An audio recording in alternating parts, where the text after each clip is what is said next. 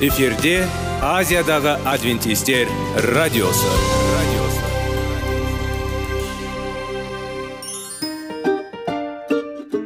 Сәлем достар. Денсаулық өмір бұлағы және біздің бірінші байлығымыз демекші денсаулық сағаты рубрикасына қош келдіңіздер. Біздің рубрикада біз әртүрлі факторларменен мәліметтерменен кеңестерменен бөлісіп шын жүректен сіздердің дендеріңіз сау болғанын қалаймыз. Сол үшін біздің рубрикаға қош келдіңіздер. Дайындалып тұрыңыздар. Өйткені келесі минуттарда қызықты фактілерге ие боласыздар. Енді достар ең бірінші байлығымызды қолымызға алып алға кеттік.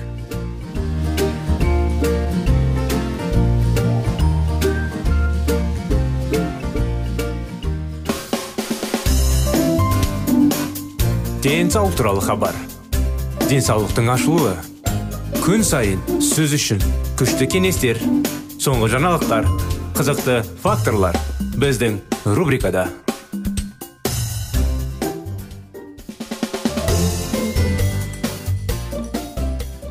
мәліметтер кеңестер анықтамалар денсаулық сағат бағдарламасында сіздер үшін құрметті достар құрметті тыңдаушыларымыз қытай зерттеулер жайлы тақырыбын анықтамасын жалғастырудамыз көптеген анықтама ішінде жаңағындай статистикалар дейміз ғой сонығынан анықтама мәселелер кеңестер ары қарай жалғастыра кетейік біздің көгалдарға ұқсағанымыздың осы кезеңінде шөп тұқымдары топыраққа себіліп өніп шығуға дайын болды. Бастама аяқталды. Өсудің екінші кезеңі промоция деп аталады. Шөп өсінділерін бөруге және жасыл көгалдарға айналуға дайын тұқымдар сияқты. Қатерлі ісікке бейім жағдай жаңадан пайда болған жасушалар көзге көрінетін қатерлі ісікке айналғанға дейін өсіп көбеюге дайын. Бұл кезең бастамаға қарағанда әлде қайда ұзақ уақытқа созылады. Адамдарда ол көбінесе бірнеше жылға созылады. Осы кезеңде жаңадан пайда болған жасушалар тобы көбейіп клиникалық көрінетін ісік шоғырланға дейін көбірек болады. Алайда топыраққа себілген тұқымдар сияқты пайда болған рак клеткалары егер бұл үшін қажетті жағдайлар болмаса өсіп көбейе бастайды. Мысалы топырақтағы тұқымдар толық көгалдарға айналмас бұрын судың күн сәулесінің және басқа да қоректік заттардың қажетті мөлшерін қажет етеді. Егер осы факторлардың бірі болмаса немесе жеткіліксіз болса тұқымдар өніп шықпайды. Өсіру басталғаннан кейін қажетті факторлардың бірі болмаған жағдайда жас өскіндер қажетті элементтермен одан әрі қамтамасыз етуді күтіп ұйықтап қалады. Бұл жарнамалық кезеңнің маңызды сипаттамаларының бірі. Промоция қайтымды бәрі рак клеткаларының ерте өсуіне қажетті жағдайлармен қамтамасыз етілуіне байланысты. Дәл осы кезеңде тамақтанудың белгілі бір ерекшеліктері өте маңызды болады. Стимуляторлар деп аталатын кейбір тамақтану элементтері қатерлі ісіктің өсуіне ықпал етеді. Басқалары антистимуляторлар қатерлі ісіктің дамуын баяулатады. Қатерлі ісік антистимуляторларға қарағанда диетада көбірек стимуляторлар болған кезде дамиды. Соңғысы диетада басым болған кезде қатерлі ісіктің дамуын баяулайды немесе тоқтайды. Бұл процесс екі бағытта да дами алады. Бұл қайтымдылықтың маңыздылығын асыра бағалау мүмкін емес. Үшінші кезең прогрессия пайда болған рак клеткалары тобының үдемелі өсу олар түпкілікті. Зиян келтіргенге дейін басталған кезде пайда болады. Бұл шөп барлық жерде бақшаға барлық жолдар мен жолдарға енген кезде өсіп келе жатқан көгалдарды суырады. Сол сияқты пайда болған қатерлі ісік ағзадағы бастапқы орнын жылжып көрші немесе алыс тіндерге әсер етуі мүмкін. Қатерлі ісік осы өлімге әкелетін жаулап алуды жүзеге асырған кезде. Ол қатерлі ісік деп аталады. Ол тастап бастапқаны орналасқан жері және жоғалған балса білім туралы осындай. Қатерлі ісіктің бұл соңғы кезеңнің өлімге әкеледі.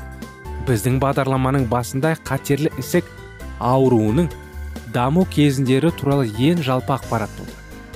Алайда біз бұл туралы зерттеуді саналы түрде құру үшін жеткілікті білдік. Бізде көптеген сұрақтар болды. Үнді зерттеулердің ақауыз аз диета қатерлі ісік ауруының дамитын тежейді деген тұжырымдарын растай аламыз ба? Ең бастысы ақауыз неге қатерлі ісіктің дамуына әсер етеді? Бұл әсердің механизмдері қандай? Ақауыз қалай жұмыс істейді? Осындай көптеген сұрақтарға ие бола отырып біз егже тегжейлі талдауды жоққа шығара алмайтын нәтижелерге қол жеткізу үшін эксперименталды зерттеулерге өте мұқият және байыпты қарадық. Ақауыз және басталу кезеңі ақауызды тұтыну қатерлі ісік ауруының басталуына қалай әсер етеді? Біздің алғашқы тәжірибемізде ақауыздың аралас функциялары оксидаза афлатоксин метаболизміне жауап беретін ферментке әсер ететінін анықтауға тырыстық бұл өте күрделі фермент. Өйткені ол ағзаға оң және теріс әсер ететін дәрі дәрмектер мен басқа химиялық заттардың алмасуына жауап береді. Парадок бұл майлы бірақ бұл фермент афлаток сенің әсерің байтарыптарда және белсендіреді. Бұл өте өзгермелі зат. Біздің зерттеуіміздің бастаған кезде біз тұтынатын ақауыз бауыр ферменттер афлатоксинді бейтараптандыру механизмін өзгерту арқылы ісіктің өсу қарқынына әсер етеді деген болжам жасадық бастау үшін біз жейтін ақауыздың мөлшері әсер ететінін анықтадық. Осы ферменттердің белгісінділігін өзгерту. Бір қатар тәжірибелердің кейін жауап өте айқын болды. Ферменттердің белесінділігін қабылданатын дозаны өзгерту арқылы оңай реттеуге болады. Ақауыз дозасын бастапқы пропорцияда азайту. Үндістандағы зерттеулер 20 5 пайызға дейін активті тез төмендетіп қана қоймай ферментті. Бұл нені білдіреді? Төменгі еркек диетасы нәтижесінде ферменттер белсенділігінің төмендеу афлатоксиннің аз мөлшері днк-ға қосылып оның мутациясын тудыруы мүмкін. Қауіпті флатоксин метаболитіне айналатынын білдірді.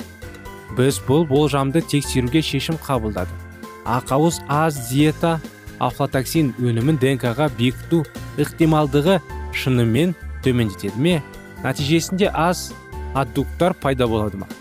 Менің зертханада жұмыс істеген студент рейчел престон эксперимент жүргізді. Бұл ақауыз дозасының төмендеуі төмендеуіне әкелетін көрсетті. Саның аддуктов афлатоксин қысылымына жалғауына днк. Тағам құрамындағы ақауыздың азаюына байланысты канцерогендердің жасуша компоненттеріне қосылуының төмендеуі. Осындай анықтама біздің бүгінгі күнде тақырыбымызда құрметті достар. Жалғасы келесі бағдарламада болады. Келесі бағдарламамызға дейін сау болыңыздар.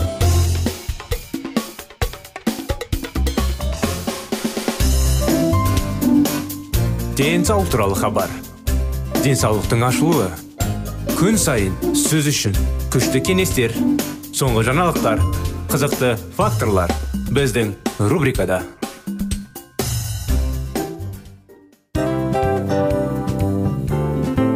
Әуелі байлық денсаулық екінші байлық он саулық үшінші байлық ақ жаулық. Ал енді осындай радио парақшадан кейін не дейміз? Барлықтарыңызға денсаулықтарыңыз зор болсын деп тілейміз. Денсаулықтың өзгеруі кішкентай нәрселерден басталады. Осымен біз берген кеңестер мен мәліметтер шын жүректен сіздер үшін қандай да бір болсын жәрдем берді деп үміттенеміз. Тыңдаушыларымызбен келесі радио парақшасына дейін қоштассамыз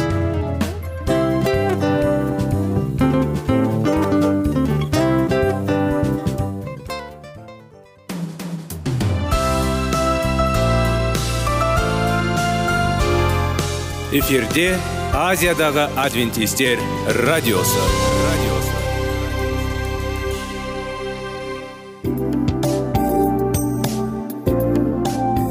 Сәлем достар. Барлықтарыңызға шын жүректен сөйлесек рубрикасына қош келдіңіздер деп айтпақшымыз.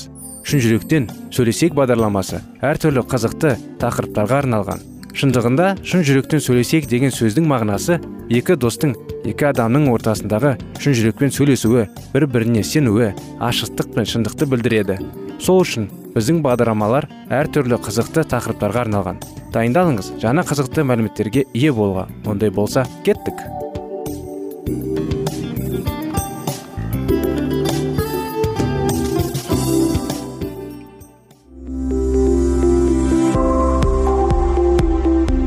алтын сөздер. Сырласу. Қарым қатынас жайлы кеңестер мен қызықты тақырыптар. Шын жүректен сөйлесейік рубрикасында.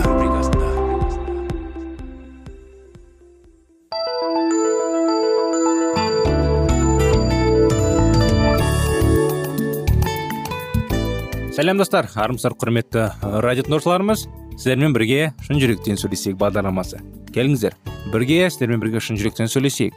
Бір бірімізді түсініп әрине достарымыз болса достарымызбен бір бірімізді түсініп бір бірімізді ренішті қойсақ ренішті жоғалтып ренішті алып тастау әрине күйеуімізді болмаса әйелімізді ренішті қойсақ оны қалай кешірім сұрап қалай бірге татуласып керемет бақытты керемет жанұя болып өмір сүруге мүмкіншілік қандай болатынын жайлы кеңестер және де балалар қалай балаларды тәрбиелеу жайлы? Балалар ата ананың қарым қатынасы жайлы тақырыптар кеңестердің бәрі біздің бағдарламада.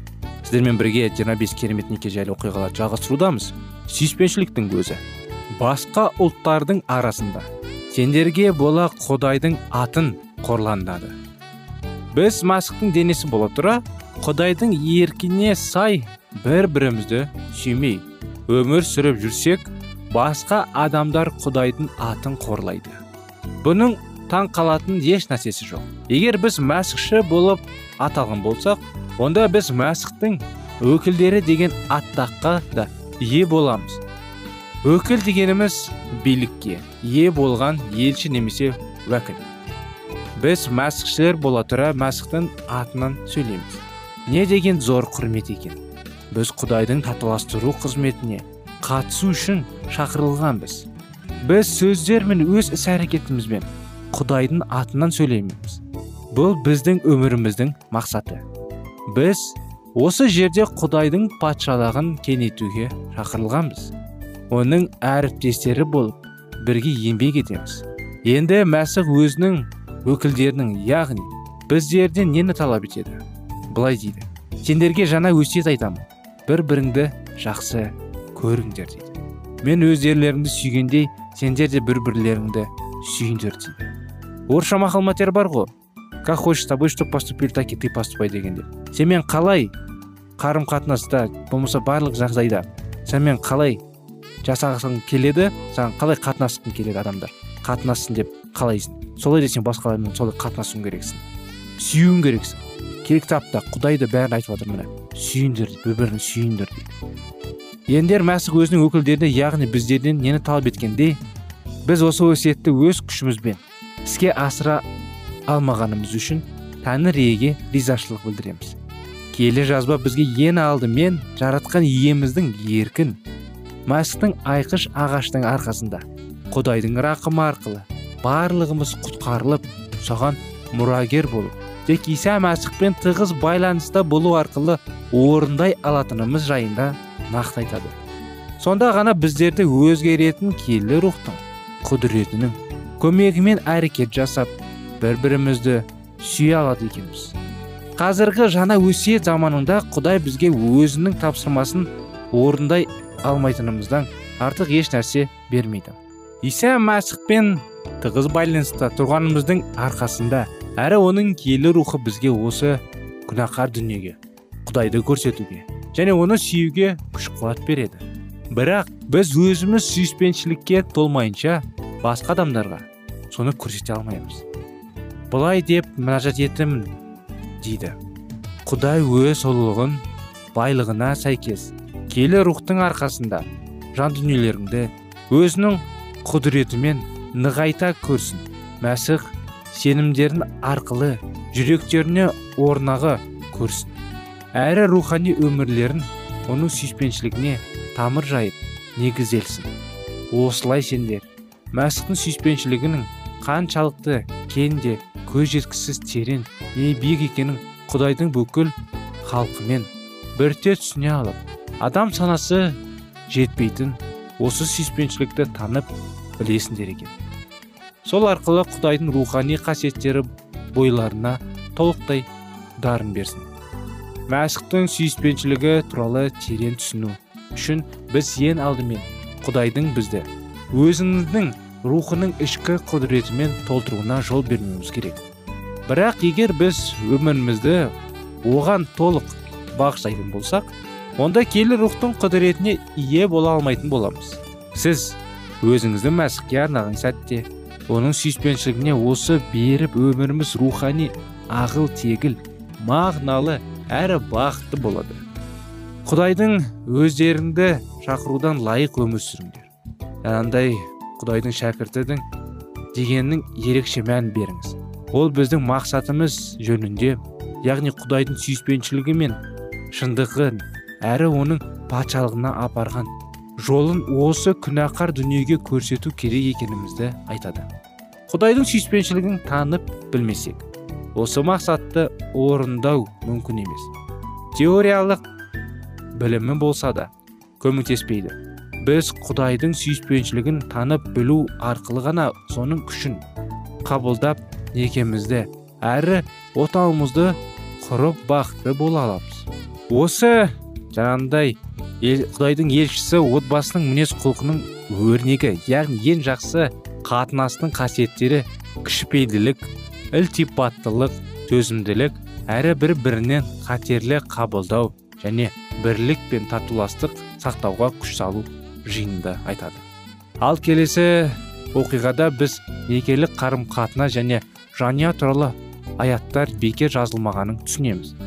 Қауымның жеткішілері тек 13-ші ғасырда келе жазбалардың тараулар мен аяттарына көп бөліп қойған. Паулдың жаңағындай елшінің түпнұсқадағы жазған хаттарында ондай бөлінудің болмаған есіңізде болсын. Бәлкім паул бірінші төрт тарауды да құдайдың сүйіспеншілігі туралы яғни неке жайында негізгі шындықтарды біліп алып басты тақырыпқа оқырмандардың жүректеріне дайындалған шығар. Мінекей сондықтан мен сонымен құдайдың ретіндегі осындай өз жұбайыңызды немесе басқа адамды сүю үшін сіздің ең алдымен жаратқанның сүйіспеншілігін тереңділігінен өз жүрегіңізді ашуыңыз керек. Осымен бағдарламамыз бүгін аяғына келіп жетті. Сондықтан сіздерді келесі бағдарламаға шақырып келесі жолға дейін сау болыңыздар дейміз.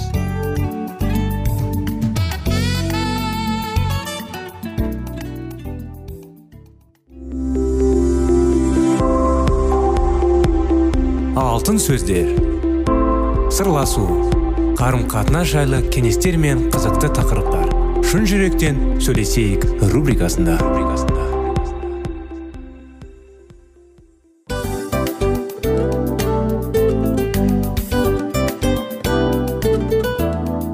Құрметті достар барлық ең соңғы кеңестер аяқталған соң біздің программамыз соңына келіп қалды. Осы біздің мәліметтер осы рубрикада айтылған әрбір сөздер сіздерге өзінің қандай да бір пайдасын алып келді деп шын жүректен сенеміз. Және бұдан да көптеген рубрикаларымыз бар. Басқа рубрикаларымызда біздің зерттеулерімізде сіздер үшін тағы да қызықты мәліметтер дайын. Біздің шын жүректен сөйлесейік парақшамызда көптеген әдістер ең соңғы кеңестер адамның нравственность жақтан моральдық жақтан тазалап байыта тұрған соңғы кеңестердің барлығын жанарады. Сондықтан алдыңғы күндерде бізбен бірге болыңыздар. Өйткені барлық қызықтар алдыда. Бізбенен бірге болғандарыңызға үлкен рахмет. Келесі кездескенімізше сау сәлемет болыңыздар.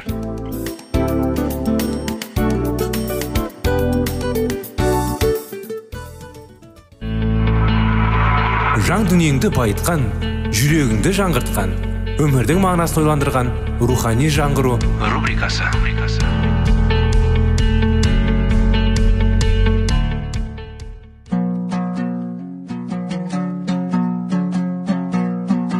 Ассалаумағалейкум біздің тыңдаушыларымыз. Келі кітаптың шындығын ашып берген қысқа бағдарламасына қош келдіңіздер.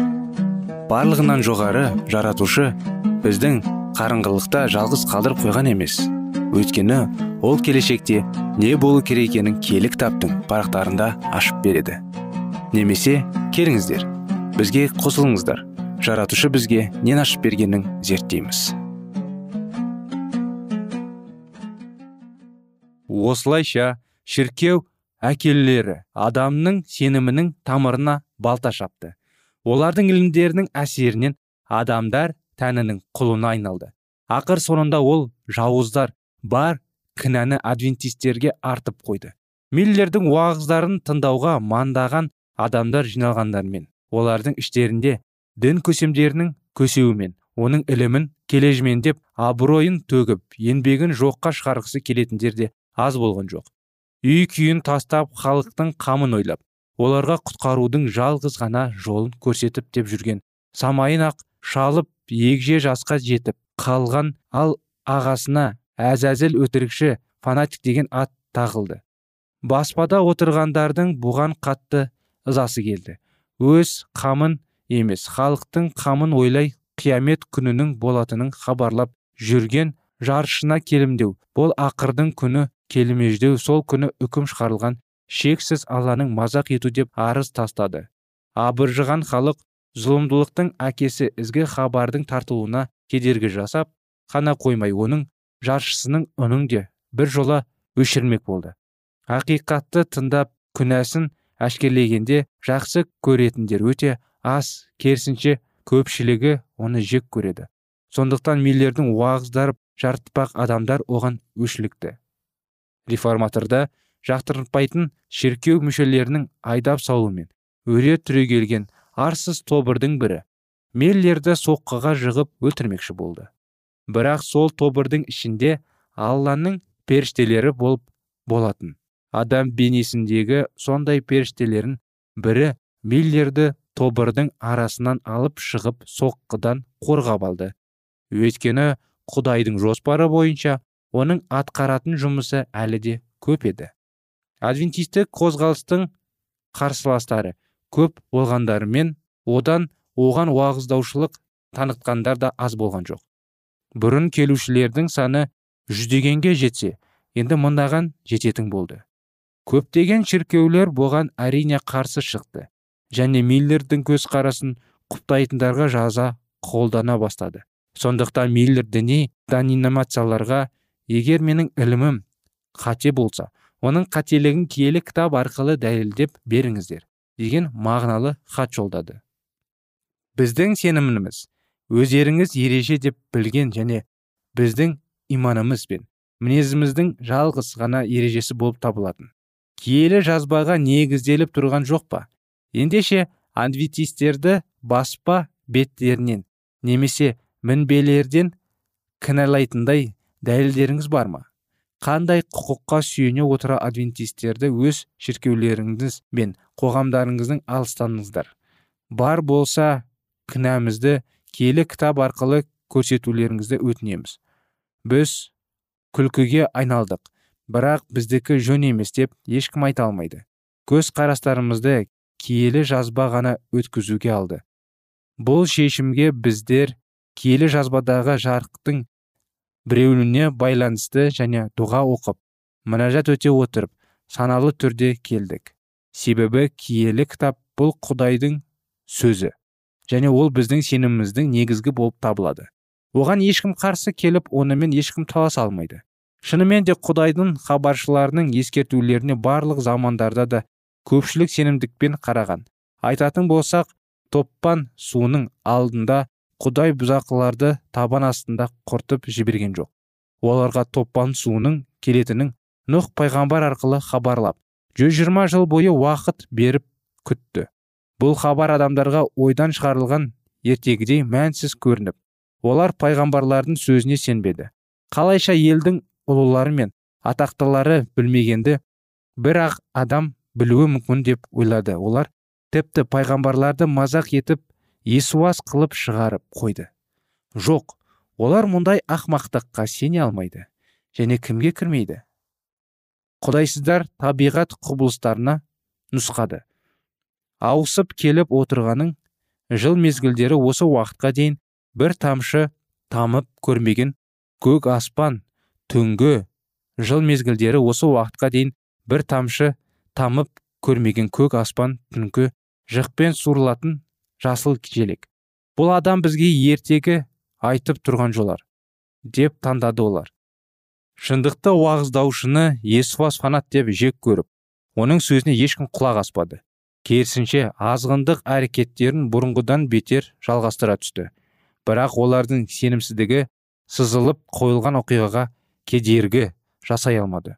Құдай адамдардың жаман қылықтарына шыдап оларға тәубаға келулеріне көп уақыт беріп күтті. Бірақ құдайдың шыдамының тостағына толған кезде арсыздар өздеріне өздері тайғандаған жасайысына ие болды. Қазір де халық иса мәсіхті екінші рет жер бетіне келгенінде дәл осы нұх пайғамбарының заманындағы адамдардың сенімсіздікпен қарайды. Ол адамдар топан су келіп кездері жойылғанша қауіп туралы ойлаған жоқ. Өздерін құдай халқымыз деп санайтындар осы әлемнің адамдарымен араласып олардың азғындық істерін қайталап зайырлы молшылық сән салтанат ғибадатханаға еніп неке тойының қоңыраулары жылдарап байлық жолында адамдардың ауыздарын арандай ашылып ойындарын ойнап тойларын тойлап өмір алда болашағымыз жарқын деп жүргенде кенеттен найзағайдың жарқылдағының балып ақырдың күні келеді. Сонда олардың жалған үміттері үзіліп жарқыраған армандары тамамдалады. Сол бір кездері топпан су келмес. Бұрын апаттың алдына алу үшін пенделеріне өз хабаршысын жұмсаған алла. Қазірде ақырды келетіні жалы хабардың жердің тұрғындарына жеткізу үшін жаңа жаққа өз жаршыларын жұмсауда.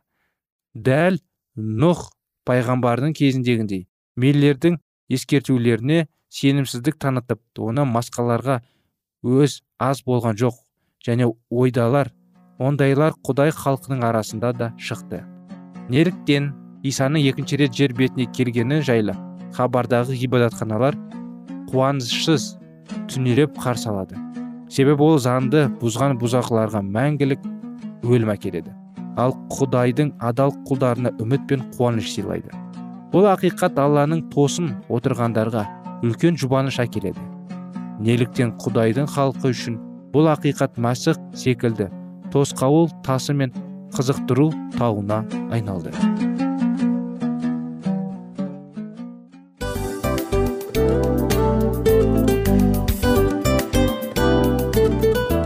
Достар біздің радио парақшамыз өзінің соңына келіп те қалды. Демек бұл программамыздың қорытындысын айта кету керек. Негізі істің басталып жатқаның қуанту керек пе? Әлде оның қорытындысы қуанту керек пе? Сіздер қалай ойлайсыздар? Меніңше қорытындысы деп ойлаймын. Себебі жасаған ісінің жемісін көріп қорытынды арқылы бағалап жүрегін қуантады. Баяғыда айтқандай бидайды сепкенде емес бидайдың жемісін жинаған кейін ыстық нанды жегенде кәдімгідей рахаттанасың ғой. Осымен біздің бағдарламамыздың аяғында тыңдаушыларымыз қандай пайда алды екен деген ойдамыз. Егерде өткен сфераларда пайдалы кеңес алған болсаңыз біз өзіміздің мақсатымызға жеткеніміз. Бүгінгі 24 сағаттың алтындай жарты сағатын бізге бөліп ардағаныңыз үшін рахмет. Келесі кездескенімізше қош сау болыңыздар. Достар біздің бағдарлама бойынша сұрақтарыңыз болса әрине сіздерге керекті анықтама керек болса біздің whatsapp нөмірімізге хабарлассаңыздар болады. Плюс бір үш жүз бір жеті жүз алпыс алпыс жетпіс.